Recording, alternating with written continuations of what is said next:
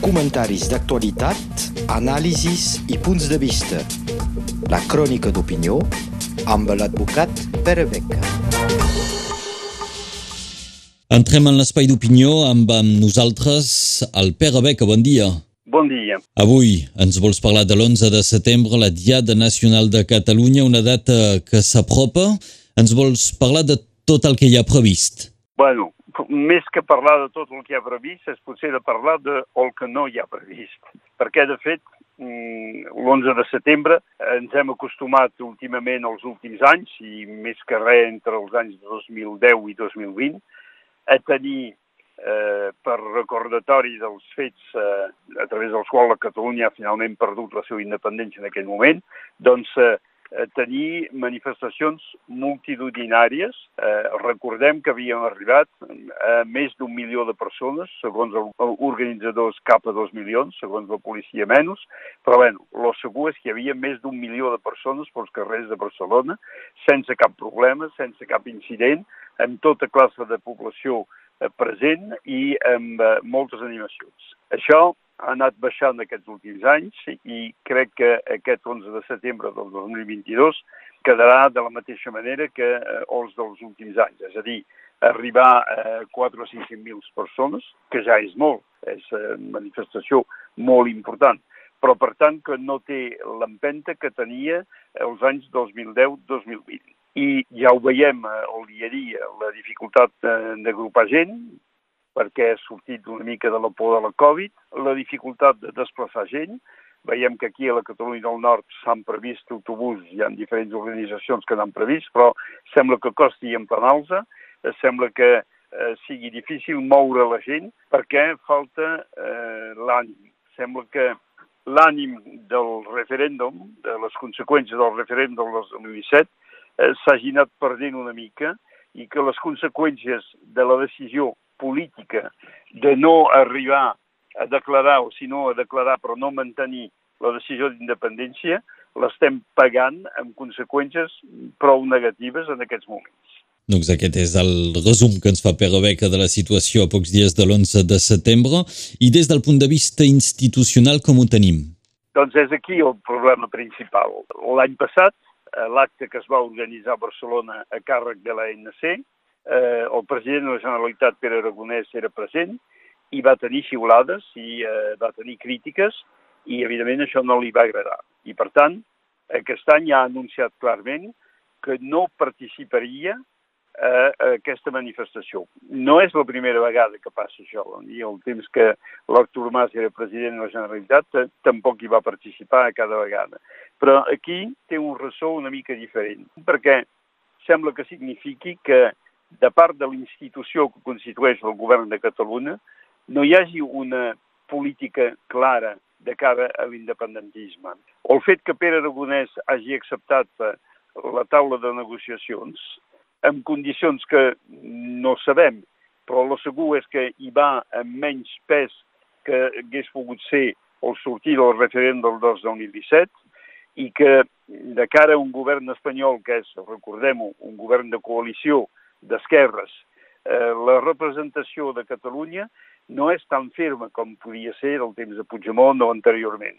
Ja sé que Catalunya va progressar molt als anys 90 eh, i 2000, va progressar molt amb eh, el pactisme, el sistema d'anar a discutir amb Espanya i d'intentar recuperar competències, recuperar diners i això en Pujol ho va fer magníficament. Però per ser pactista, primera, se n'ha de saber molt, i no sé si Pere Aragonès té la mateixa capacitat que ho podria tenir en Pujol, però més enllà de l'home, per fer pactisme s'ha de reunir una sèrie de condicions, s'ha de reunir la possibilitat de fer pes amb la negociació. I en aquests moments sembla que el govern espanyol faci més pes que no pot fer el govern català. I mentre que de totes maneres, també a nivell institucional, encara que ens expliquen que és eh, l'independència de la justícia, però el tema de la repressió judicial va continuant contra alcaldes, contra presidents d'associació, contra militants. És a dir, que Sánchez d'una banda ve a la taula de negociació, ben d'altra banda, tant com la negociació no ha resultat, continua una política repressiva. I aquí Es veu quina és la dificultat del joc del partit actualment al poder d'ERC eh, de cara a Junts per Catalunya, que té una posició molt clara amb això, doncs sembla que ERC sigui més hesitant, amb més eh, dificultat. Sembla que, d'alguna manera, s'hagin descuidat de la força que podia sortir del referèndum, ja sé que no era un referèndum pactat, però amb un resultat indiscutible de totes maneres, doncs que aquesta força s'hagi una mica perdut passant els anys. I segons aquest anàlisi que, que fas, tu com veus que es pugui canviar això o qui ho pot canviar? Doncs clarament no crec que són els partits polítics que ho poden canviar.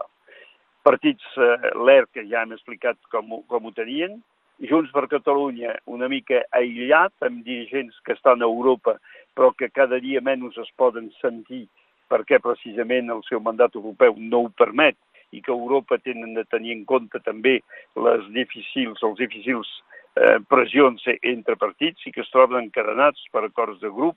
És a dir, que és difícil d'entendre-ho.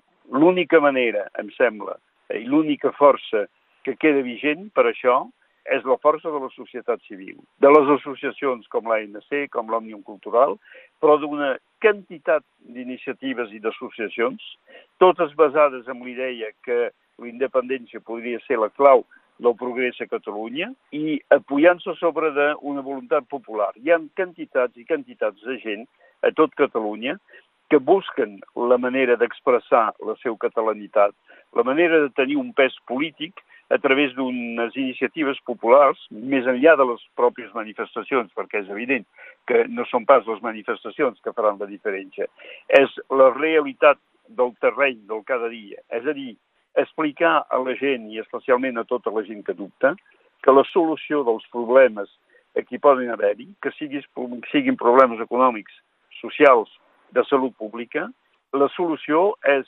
posar al costat dels ciutadans un poder polític que sigui assequible fàcilment. És a dir, entrar en una forma de pensament que resoldre les grans qüestions es poden fer no necessàriament a nivell molt alt de l'Estat, sinó localment, a través, per exemple, d'un govern com el de la Generalitat de Catalunya.